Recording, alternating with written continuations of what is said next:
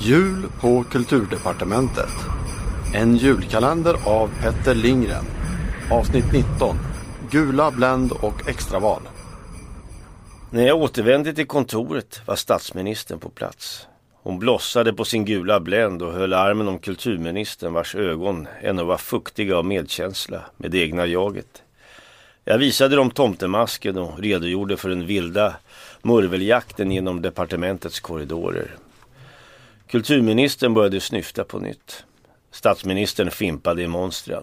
Såja, såja, skit i Bromander. Han ska nog få sitt. Ska du se, tids nog. Hon viftade med ett papper. Jo, det var så sant. Ni har väl varit för upptagna med ett lilla projekt för att märka att borgarna och rättvisemärkta ultrahögern klubbade ner vår budget häromveckan. Ja, ja, här har ni alltså ert nya budgetunderlag. Eller deras då. Eh, rättare sagt, skitsamma. Kulturministern ryckte åt sig pappret. Mycket talade för att beloppet var så litet att inte ens Pelle Näver hade släpat sig upp ur sänghalmen för det. Åtminstone kulturministern. Hennes mun rörde sig och det kom ljud ur den. Statsministern trippade iväg mot dörren. Jag passade förresten på att utlysa extraval också. Det kommer att bli skitfränt. Adjöken fröken.